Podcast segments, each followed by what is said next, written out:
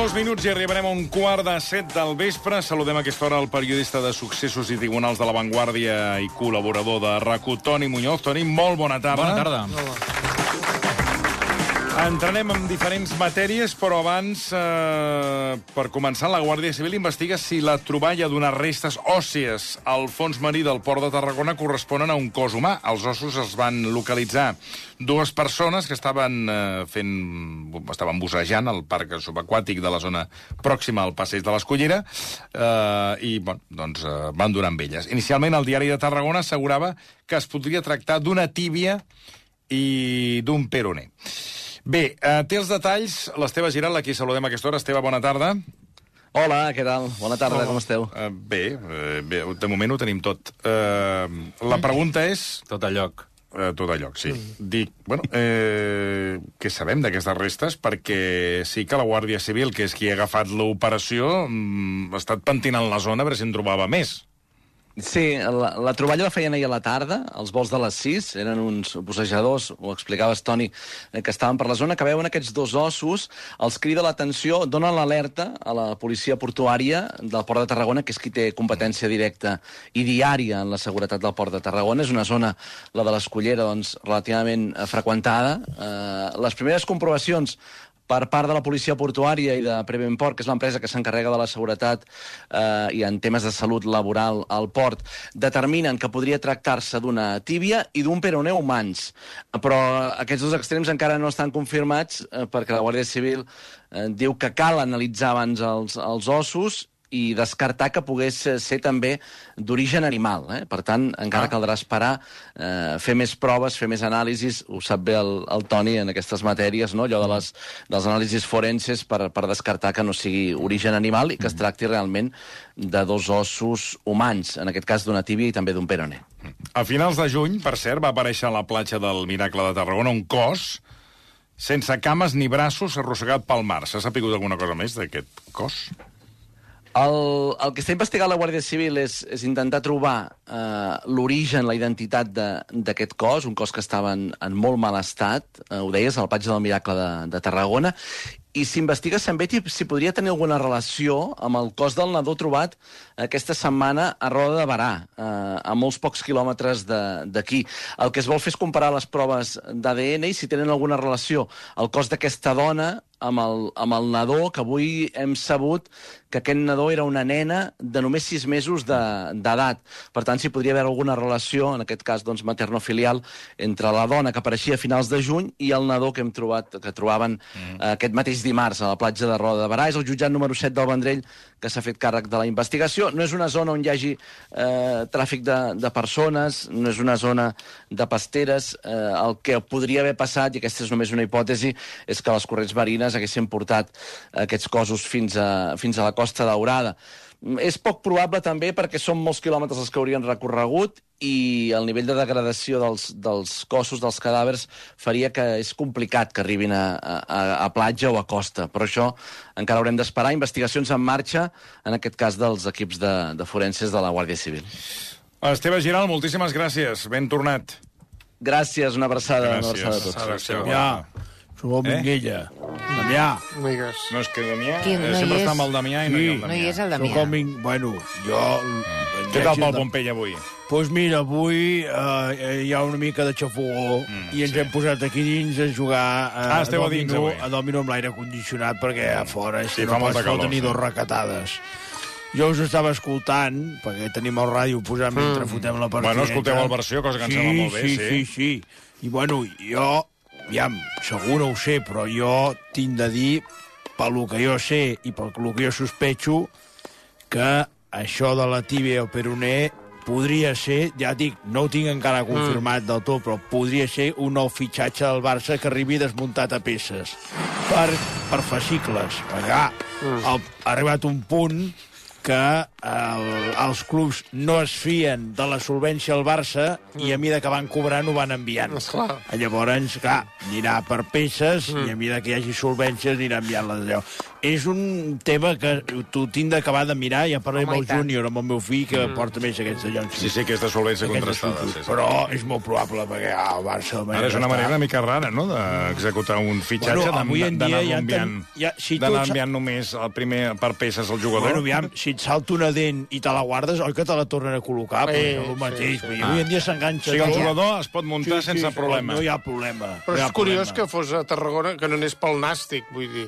No, no, bueno, podria ser, però jo crec que no, que deu ser de les Balears que l'han enviat, Ah, o bueno, ah. no sé, o de... de... Que s'hagi perdut el, el paquet. Sí, pot ser, Bueno, ens, ens ho mires i ens dius alguna cosa. però jo crec que sí. Eh? Clar, clar, és una nova, com una nova modalitat, Sí, no? és és a dir, o, pagam, o pagaments a terminis sí, o pagament però, per clar, peces. Almenys no? que pes, la peça sigui sencera. Això és perquè, com clar, quan vas a, a comprar congelats a granel, que dius, porto dos euros. Pues, oiga, póngame dos euros de calamares. Pues jo el mateix. I ja tinc 3.000 euros. Pues mira, de moment és, només li podem donar la tibia i el peroné.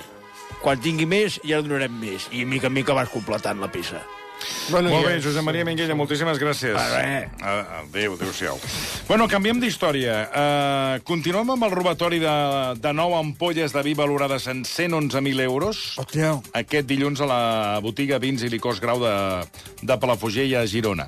Uns lladres, recordem-ho, a cara descoberta van forçar l'accés on es trobaven, això sí, a plena llum del dia, en la botiga sí, sí. plena de gent, van forçar, com dèiem, la- les- l'accés on es trobaven les begudes, les van amagar en una motxilla i van fugir. Ho explicava Jordi Grau, el propietari de la botiga de vins i licors, eh, una de les botigues més importants d'Europa, aquest matí al programa Tot es mou de TV3.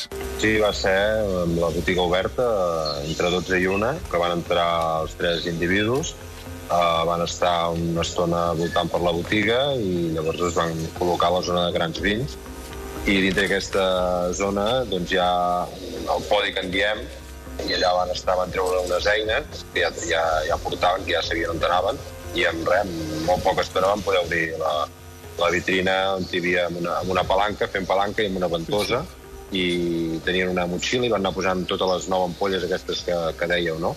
Quan estaven fent això, una empleada nostra els va sorprendre i per això no van poder endur-se'n més, no? I, i van, van començar a córrer, ella darrere d'ells, començant a cridar atureu-los, atureu-los, Segons ha explicat el, en aquest cas el Jordi Grau, al botí dels lladres eh, hi havia les ampolles desitjades per les grans, atenció, fortunes del món. Ara són ampolles que, que quasi bé són obres d'art, no? Eh, hi ha molt poques ampolles per tot el món, dos hectàrees en el cas de la Romaner, eh, que impliquen molt poques ampolles i les grans fortunes del món eh, volen, desitgen aquestes ampolles. No? És un article de desig, de luxe, i, i que fa que, que el preu vagi, vagi pujant fins a arribar fins a arribar a aquests preus. Fins i tot és complicat comprar-los, eh? doncs eh, imagineu el, el, el desig que pot eh, representar doncs, tenir aquest tipus d'ampolles. No?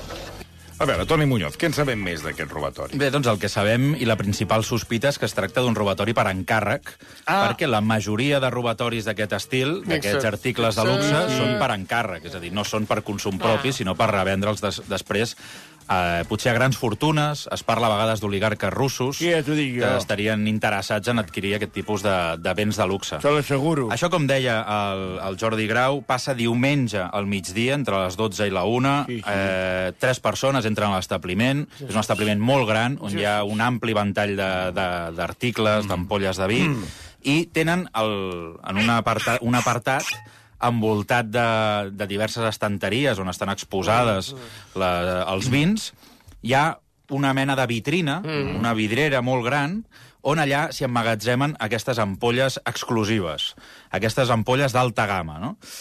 I és aquí on van accedir aquestes tres persones, eh, anaven mirant que no vingués ningú i en pocs segons van ser capaços d'obrir aquesta vitrina amb unes ventoses i una palanca i eh, fer-se amb nou ampolles de vi Fixa't. Eh, sembla ser que en volien robar més, però com que va haver-hi una, en fi, una, Sí, una treballadora una que treballadora veure. del, de l'establiment doncs, que els van xampar i va ser en aquell moment quan van començar a córrer i van poder doncs, fugir amb aquestes nou ampolles. Per exemple, la ampolla que tenia un cost més alt era la Romane Conti del 2008, que valia no, 29.950 I euros. això, 5, 5 milions de peles, eh? Sí. 5 milions de peles, eh? 5 milions sí, de sí. pessetes. Perquè caigui terra. Sí. La segona, Romané Conti del 2013, Per aquesta roda, per 25.000... aquesta roda de, de, per aquesta roda de pes que diu vostè, doncs clar, si, si te la veus també... Bueno, és que, i clar, això ho has de tenir ja com a... Bueno, és el que li diu, que és el que deia el Jordi Grau, que són obres d'art, que Clar, les tens no allà pots- com una obra no d'art. pots- Ah, les tens exposades, és no? com els Rolex, que jo no els poso. Rolex Romané no- Conti 2013, 25.600 euros. Més barat, La- aquest. Després, dues ampolles de la Taix del 2015 valorades en 12.700 euros, una Richebourg de 8.800. La més barata, Home, a veure, la Chateau Margaux, del 2010, que jo crec que aquesta marca, bueno, totes són conegudes, però vull dir, aquesta em sembla que era la que Chateau la, la Marilyn Monroe. Ah, sí? Ah, sí? Em sona. I aquesta era la més barata. Valia? 1.179 euros. Ah, doncs mira. Home, després dels preus que m'has dit, Clar, després ho, he, de- ho, he trobat una, ho he trobat una ganga. Sí. Regalada. I en llavors comparació aquests, aquests els russos sí. Se'l barregen amb sifon, amb, Diu amb, amb, amb graciosa, i se'l foten calent, eh? Els és igual. diu- sí, és ells igual. només ells l'únic que volen és sé que esto es lujo, Sí. dame el lujo. Ostentació. I s'ho veuen, Sí, i, sí, i els hi sí. fotries Don Simón, els Sí. hi fotries els canviats, els hi fotries Don Simón, s'ho fotrien igual, Igual. perquè ells no tenen, el, no tenen el, el, El paladar. no tenen la papil·la Jo, per notar eh, si es volen paladar, o senyora no. S'ho foten permet- calent, els és igual, amb sifon, sí. amb Coca-Cola, amb, amb, amb, amb horchata, Sí, vi amb sí. horchata es foten. Sí, els és sí, igual. sí, sí, sí, Però ells per dir, eh, sí, sí. que yo tengo... Y yo lo pago. Yo lo, yo lo tengo i tu no lo cates. Ah, Bueno, és que ara, ara tenim la notícia i tenim el comentari de qualitat. Clar, de I, qualitat. I s'ho foten així, eh? Doncs sembla ser que aquests, aquests mateixos lladres, o se Sí, sospita que són sí. els mateixos, fa tres mesos ja van intentar eh, robar en aquest mateix establiment. Fixa't, Uh, fixa't. I, però una treballadora els va, els va poder enxampar quan ja portaven tot el, ma el material carregat en bosses. Eh? És a dir, quan estaven a Sí, punt de marxar, ja el, sembla ser doncs, que ja s'havien emportat aquestes Ara, amb una primera vegada, ampolles. potser hauria... Posar reixes. De reforçar la seguretat. Es veu que estaven en ell, Ah, que ho estaven, ho estaven fent ara mateix i, en fi, doncs ara encara s'hauran de donar- hauran d'accelerar aquest procés No, no, i perquè tant, i tant. no els hi torni a passar. No? No, no podrem sortir de casa. Sí, por, aquest cas ha recordat Silenci. moltíssim uh, un que va passar a l'octubre del 2021 a Càceres, concretament al restaurant Atrio, en què es van endur 45 ampolles de vi valorades en 1,6 milions d'euros. D'aquest robatori me'n me'n recordo Sí. perquè se'n va parlar Se'n moltíssim. va parlar moltíssim, per, sobretot per, per l'import del qual estàvem enorme. parlant. Són 45 ampolles, 1,6 milions d'euros. I finalment, nou mesos després, després d'una llarga investigació per saber qui hi havia al darrere d'aquest robatori, van poder detenir a dues persones, una dona mexicana que havia sigut Miss, Veus? Havia sigut, sigut model, Miss, Miss México? Miss México, Fixa't. Una dona de 29 anys, i el seu acompanyant, un home de nacionalitat romanesa i holandesa, Eh, que tenia la russos. doble nacionalitat. Russos. No, russos, No, russos rus no. Rus no. Que Que tot- no acaba d'escoltar. Venen aquí... Rus no. I Rus només no. estan a veure per on... Sí. La doble nacionalitat una romanesa i holandesa. Està escoltant el Toni Muñoz? No, no escolta aquest Home, home. és que, és que a No vegades escolta. estan tapats. Ets tu que no escoltes que et poses amb xats porno. Que no ha dit... Però què diu? Que no ha dit en cap moment... Pari de dir bajanades. Però bueno, no estic amb cap xap porno... No, home, a veure. Això per començar. I després li està dient que no són russos. Bueno, però Romania era... Està allà a un- tocar. Era, era, soviètic, URSS, era perquè soviètic. roda era-. URSS, sí, eh? home. Pues era, eh, perquè aquesta roda de tres miri són cubanos perquè són comunistes. Va, Tot és la URSS, eh? Però clar, és que aquest senyor parla, parla en pessetes, encara. Clar, és, que, clar, és que anem a un ritme... És, uh, exacte, és quan anaven els atletes amb les samarretes de la URSS. Bueno, Gorbachev. Bueno, no era rus, era de nacionalitat romanesa i holandesa, tenia 47 anys, i eh, sembla ser doncs, que uns mesos abans havien intentat atracar, o van anar a aquest eh, restaurant Atrio de Càceres, van rondar per aquella zona per veure com podien eh, fer-se amb aquestes ampolles. Finalment van actuar el 27 d'octubre de l'any 2021, van reservar primer eh, van sopar a l'hotel, Ah, eh, que hi restaurant, el restaurant que té dos estrelles Michelin, van menjar el menú degustació, 14 plats, després van pujar a l'habitació, i sembla ser que per Però va- despistar... van pagar? Van pagar, van pagar, sí, sí, van pagar. I amb molt poca... Molt poc, eh, no portaven ni maletes, portaven només una bossa, ja van pujar a l'habitació. Això ja. Eh, després, a toro passat, sí. és molt fàcil de veure, Ara, però en aquell ara, mateix moment doncs, sí. ningú va sospitar. Clar, no veus aquesta- res, res estrany. Doncs aquella gent van pujar a l'habitació i aquella dona va començar, en veure que només hi havia una persona a la recepció, va començar a trucar i a demanar menjar. Això també, a toro passat, el recepcionista deia bueno, aquesta senyora perquè demana menjar si acaba de menjar-se 14 plats Clar. del menú degustació. És, és, és bona, aquesta. Clar, però trucava demanant, per exemple, una amanida, no? I d'una d'una forma molt insistent. Què és el que intentava? Doncs intentava que el recepcionista doncs, li pugés l'amanida i, mentrestant, mm. la seva parella anés a la recepció a robar la clau de la bodega per emportar-se després aquestes ampolles. Eh, és que... És, és que Fixa't, fixa't. En un primer moment, quan va demanar aquesta amanida, doncs eh, l'amic no va trobar la clau que tocava, se'n va emportar una altra, que no obria la bodega, mm. i aleshores aquella senyora va haver de tornar a trucar i demanar demanar una un altra altre plat. cosa. I va demanar un postre. I després... eh, Una, una aquell- cosa per tirar avall. Exacte, perquè el recepcionista estava ja al final de dir, bueno, és que m'insistia tant que al final vaig dir, bueno, doncs, doncs donem-li un postre a aquesta senyora, però també li semblava estrany, perquè venia de sopar 14 plats del menú degustació. Finalment, doncs, li van pujar el postre, el seu company doncs, va poder baixar avall, va agafar una clau mestra que obria la bodega i finalment doncs, es van poder apoderar d'aquestes 45 ampolles per valor d'1,6 milions d'euros. S'ha de dir una cosa. aquests menús I- per- són un moment, un moment. Sí.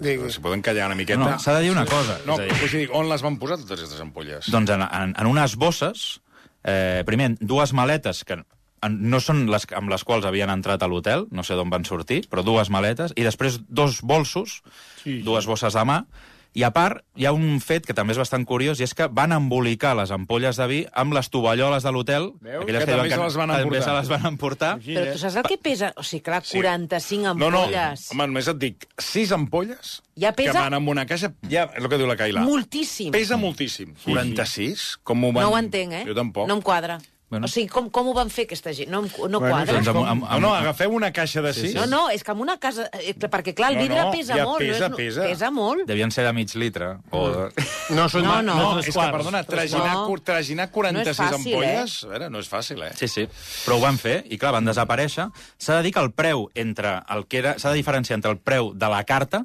aquell preu tenia un, eh, a la carta, els 45 vins costaven 1,6 milions d'euros, però el preu que l'havien adquirit era la meitat. Mm.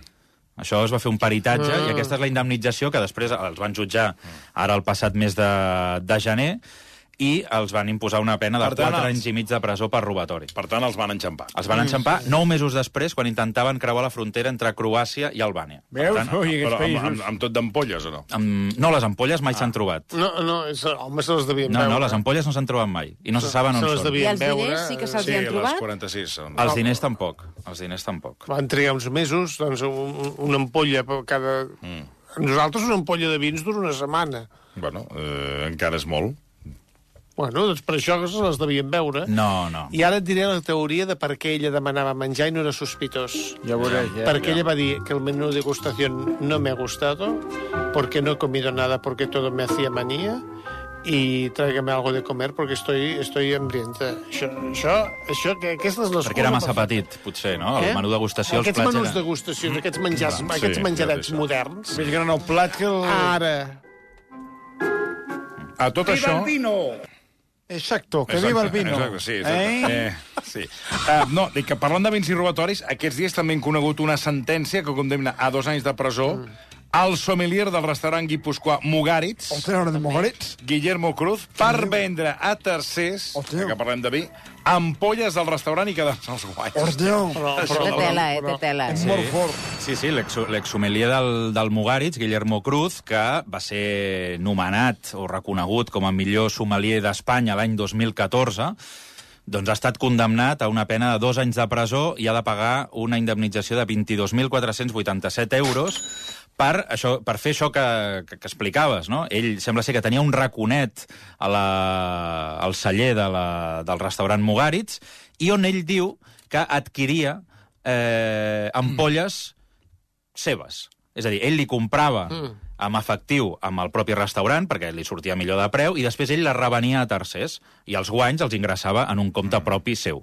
El restaurant deia que això no és veritat, que ell no pagava per aquelles ampolles, i que eren ampolles del restaurant que les revenia a tercers i es quedava els guanys. Fixa't. Eh, ells havien parlat doncs, d'un d'un gran nombre d'ampolles, finalment doncs, el, el, el tribunal n'ha considerat que eren unes 200. És Home, Déu-n'hi-do, eh? Sí, sí però se'n parlava que eren moltes més. Finalment s'ha pogut acreditar a partir de les factures que va presentar el restaurant dient veus com les vaig comprar jo, no les va comprar ell, no figura mm. cap mena de factura ni d'intercanvi ni de document que acrediti aquesta compra-venda, mm. i s'han pogut acreditar això en 200 ampolles que es considera que Guillermo Cruz hauria revenut eh, de forma il·legal a terceres persones.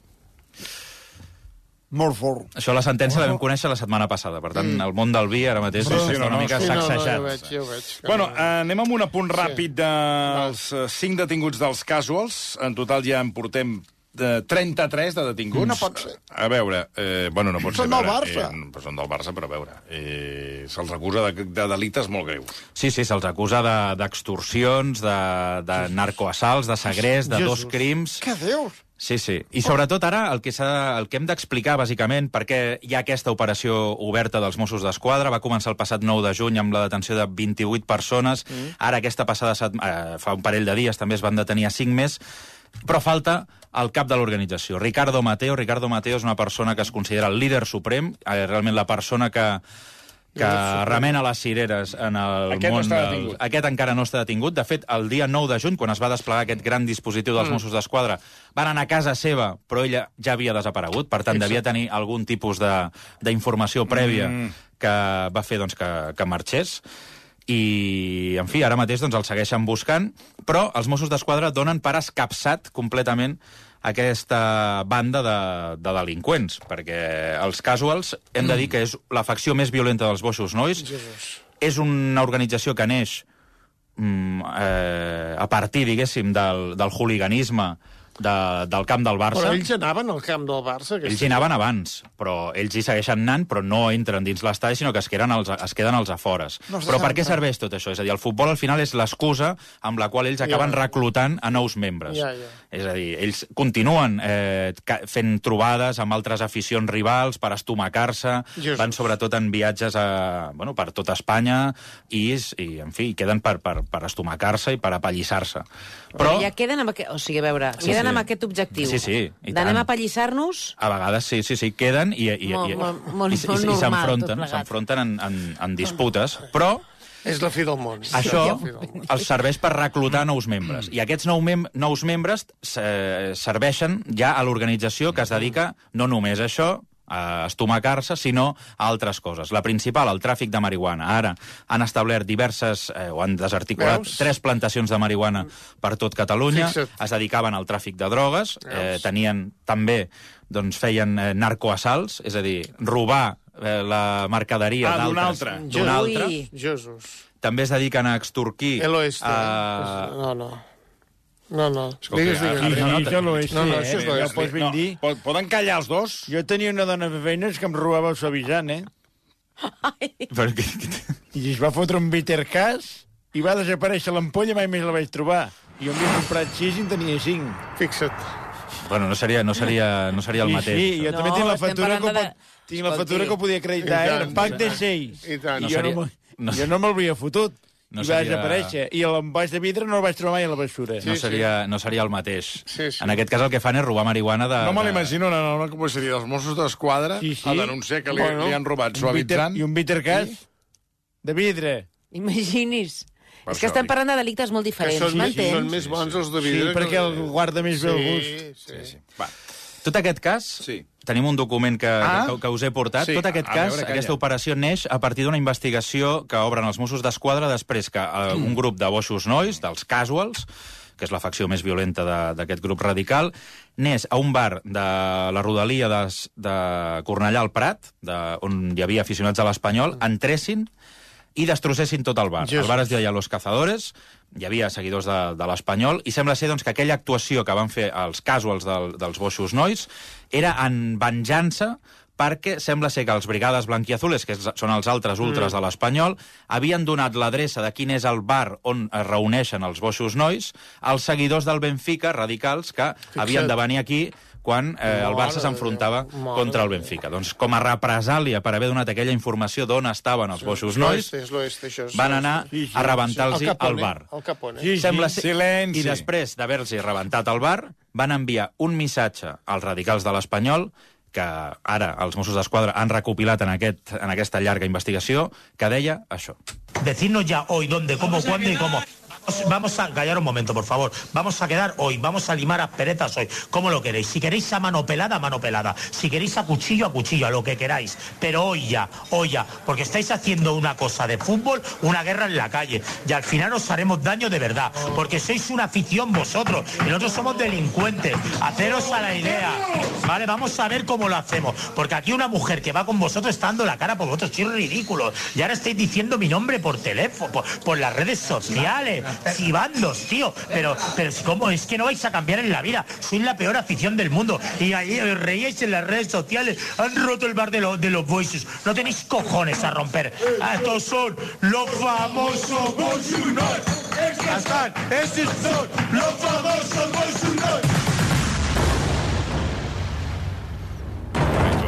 Sí, sí. Recorda Piggy Blinders, això, eh? Sí, sí. No, de fet, els Mossos consideren que és una de les organitzacions més violentes i més perilloses que hi ha ara mateix a Catalunya. Els casuals del FCB, que es diuen, Futbol Club Barcelona. Són del Barça? Aquesta gent El Barça és l'excusa, diguéssim. Però sí, van néixer... està dient que és l'excusa. Sí, sí. Ah, bueno, és que com que deien... Però bueno, la, la, les activitats eh, o les accions violentes al voltant de l'esport segueixen, eh? M'ha fet- por. o han seguit al llarg d'aquest... No, no, és que fa molt- fa fa molta molt- Sí, por. sí, fa molta por. Fa molta por. A veure, abans d'acabar, eh, podem donar per acabat ja el judici per la...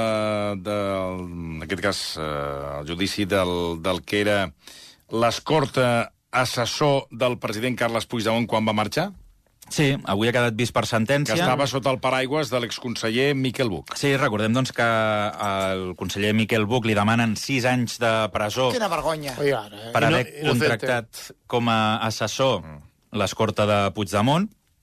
Per què? Doncs bàsicament perquè consideren que va seguir fent d'escorta, com que van demanar amb el, amb, el, amb el govern espanyol, el Ministeri de l'Interior actual, eh? és a dir, el Marlaska, li van dir, escolti, el senyor Puigdemont potser que li posem una escorta perquè està a Brussel·les i com a I, expresident... és més, havia tingut ja algun ensurt, perquè Exacte. anava sense protecció. Recordo un dia a, l'aeroport amb un Exacte. individu que el va vacilar. No, i que ell, com a, com a expresident, té la potestat, mm. té aquesta prerrogativa que li correspon com a autoritat de tenir una, en fi, un servei de protecció. El govern espanyol ho va denegar considerant que era una persona doncs, que estava en rebel·lia, que estava processat pel Tribunal Suprem i que, per tant, perdia, havia perdut la condició d'autoritat. Aleshores, en, segons l'acusació, segons el que diu la Fiscalia, des d'aquí, des del govern de la Generalitat, es va contractar com a assessor una persona que ja li estava fent d'escorta, que és un sergent dels Mossos d'Esquadra, que es diu Lluís Escolar, i que el va ajudar a marxar a Puigdemont nove- a l'octubre del 2017, quan, el 29 d'octubre, concretament, i que se l'havia vist ja doncs, fent tasques, diguéssim, de vigilància o de protecció. Però aquí el debat és, no és tant si ell feia o no feia aquestes tasques de, de vigilància, perquè bueno, feia un cert acompanyament, Sí. sinó si es pot considerar si aquelles tasques d'acompanyament o de vigilància era pròpiament les que realitzava una escorta, perquè una escorta, el que ells diuen és, sempre ha d'anar armat, va amb un equip i eh, porta, diguéssim, té tota la formació, tota la preparació i tal. Pot una persona que no va armada, que no porta una armilla antibales, mm, dir que fa d'escorta? Doncs això és el que haurà de determinar el tribunal. I l'altra cosa, que jo crec que avui ha ha quedat bastant clara o al llarg de tot aquest judici, és un assessor no té horaris i pot estar on vulgui un, assessor, un càrrec de confiança del govern. Perquè, clar, aquí hem preguntat, bueno, un, aquest senyor era assessor, però estava sempre amb, amb el senyor Puigdemont, que no feia la seva feina. Diu, bueno, doncs que nosaltres eh, no, Ah. no vigilàvem, no vigilàvem on estava. Nosaltres volíem que estigués sempre disponible pel conseller. I, i, I duia aquell cordill de telèfon a l'orella? que Allò de porta- color transparent. No ho sé, crec que no. Doncs si no duia allò, no era. No, Sí que és veritat que no avui la, fis la, nada. la Fiscalia ha posat sobre la, ta ha posat sobre la taula doncs, diversos missatges en què el propi escolar, el propi sergent dels Mossos, doncs, feia, eh, exhibia que feia d'escorta del Puigdemont. De fet, ha una fel- va enviar una felicitació a Nadal dient bones festes des de l'equip d'escortes de, de Puigdemont. Era una broma, home. Sí, bueno, jo també una puc broma. dir que sóc eh, eh, de Tabàrnia. Això és el mateix que ha dit la- la- l'advocada de Miquel Claro, Buch, dient, bueno, una cosa és el que diguis, Ara, si l'advocada de Miquel Buch està en les seves línies, eh, Miquel Buch el veig condemnat, eh? Per què? Home, perquè si la, la gran defensa de. Buch és l'argument, és el seu argument, Oh, que, clar, jo que també no puc dir s'aguanta que... per enlloc... Vull Bueno, dir- ja veurem, eh? Ja veurem a veure què passa. Jo crec que està tot obert. No, jo no m'atreveixo a dir que, que el condemnaran, perquè... No ho sé, no ho veig clar. No ho veus clar. No, vull dir, ja veurem, ja veurem. Ja veurem. Bueno. Passa que, clar, també s'ha de dir que amb, amb el, els antecedents que tenim de, de sentències a independentistes, vull dir... Mm. Tot és possible. Sí. I això, els escortes, a davant de la- d'on viu l'Artur Mas, hi han dos conos i una cadena perquè pugui aparcar el cotxe oficial, eh? Bueno, perquè ell és, ell és expresident i li correspon sí, bueno, aquesta clar, però allò prerrogativa. és terreno público, eh? Perquè té de tenir dos conos i una cadena. Sí, avui Miquel Buch ha explicat, doncs clar, li diu, però vostè el senyor aquest per què el fitxa, no? Diu, perquè jo sempre volia mm, envoltar-me dels millors. Claro. Diu, ja, però vostè el coneixia? Diu, no, jo no, jo no, no, el- no el coneixia. però... I, I sabia que anava a veure el senyor Puigdemont? Diu, no, no, no ho sabia. Diu, però bueno, però vostè, per exemple, va coincidir amb ell a la Casa de la República en una reunió. No el vaig veure. Vull dir, ho ha negat absolutament tot. I els altres dies també han, doncs, han comparegut els càrrecs o exalts càrrecs del, Inocente. del Departament d'Interior que també doncs, posaven en valor això. Aviam, un assessor no cal que estigui No, sempre no. fitxant a la conselleria, no cal doncs, que, que el veiem gaire, sinó simplement el que ha de tenir és disponibilitat, que quan el truquis t'agafi el Ah, telèfon. claro, I claro. Això ens és igual on estigui. Claro, i si es passa tot el dia allà és perquè pots... pots, pots Cosa que, per una banda, eh, juga a favor, diguéssim, aquest argument a favor doncs, de, del mosso, que també està acusat i que li demanen 4 anys i mig de presó, Home, va. però, per altra banda, diu molt poc dels assessors, no? Perquè un càrrec de confiança que mm, puguis estar on sense Oh, claro. fitxar i sense És dir que jo, res. per exemple, amb el Toni Clavés, el Toni Clavés, jo puc ser amic d'ell i assessor. Eh, de, de fer coaching, coaching. Vinga, anima les mofletes, anima les mofletes, ríete, ríete. Moflete, moflete per arribar, ríete, ríete. Ara t'estic fent coaching. I ara ens anem a prendre una, una cervesa i som Ah, amics. I no tens hores. I no, I no són hores. I no tens hores. I una cosa és feina i l'altra és amistat. Ara. Cosa que les No, però ell no era assessor de Puigdemont. Ell era assessor de Miquel Buch. Bueno, és el sí, mateix, sí, és el mateix. Puigdemont. És el mateix. És el que t'estic dient. Ja ho he dit. Home, que no escoltes. És a dir, dels 224 dies que va ser assessor de Miquel Buch, Sí. 105 es considera que va estar amb Puigdemont. Pues el que et deia, el que et deia. És com si, com si Però ell com vingués a casa meva això? i després fos És com si tu em truques, dius on eres? Pues he anat a buscar un picantó, un pollastre-las, tu Ara, mateix. ara. I per qui treballes? Pues, pues, pues que t'he fet el favor. Claro. Però va buscar el pollastre a Brussel·les, eh? Sí. Sí. Però com dic, ah, jo crec que la clau de tot és saber si Músculs, van buscar músculs. Ja, ja. era assessor, podia estar a Bèlgica o a Brussel·les, per, perfecte. Eh, però feia d'escorta o no feia d'escorta? Bueno, doncs No. Aquí està la consideren que... No, que no ho veieu, que no. Pujar molt de preu els músculs, eh? Toni Muñoz, moltíssimes gràcies. A vosaltres. Uh, fem una pausa i saludarem eh, David Solans, que ens porta altres qüestions aquesta tarda. A veure Una, què... una malla em costava 80. Sí. Ara 5,95. Fixa't. La mateixa malla, Escolti, eh? perdoni un moment, ha de fer comentaris eh, sí, allò com si fos, sap, un... Sap? O sigui, vinga, el, el comentari, el que salta, el que li dona la gana. Clar, com a, que- a, a tom, o sigui, a, No to, té a tor i a dret, no té relació. Sí, Home, el, el dels coment- músculs de Estàvem Bèlgica. parlant de eh? músculs. De veritat. Des d'un 80 a 5,95. Sí, sí, ja ens ha quedat clar. Sí. Versió RAC 1.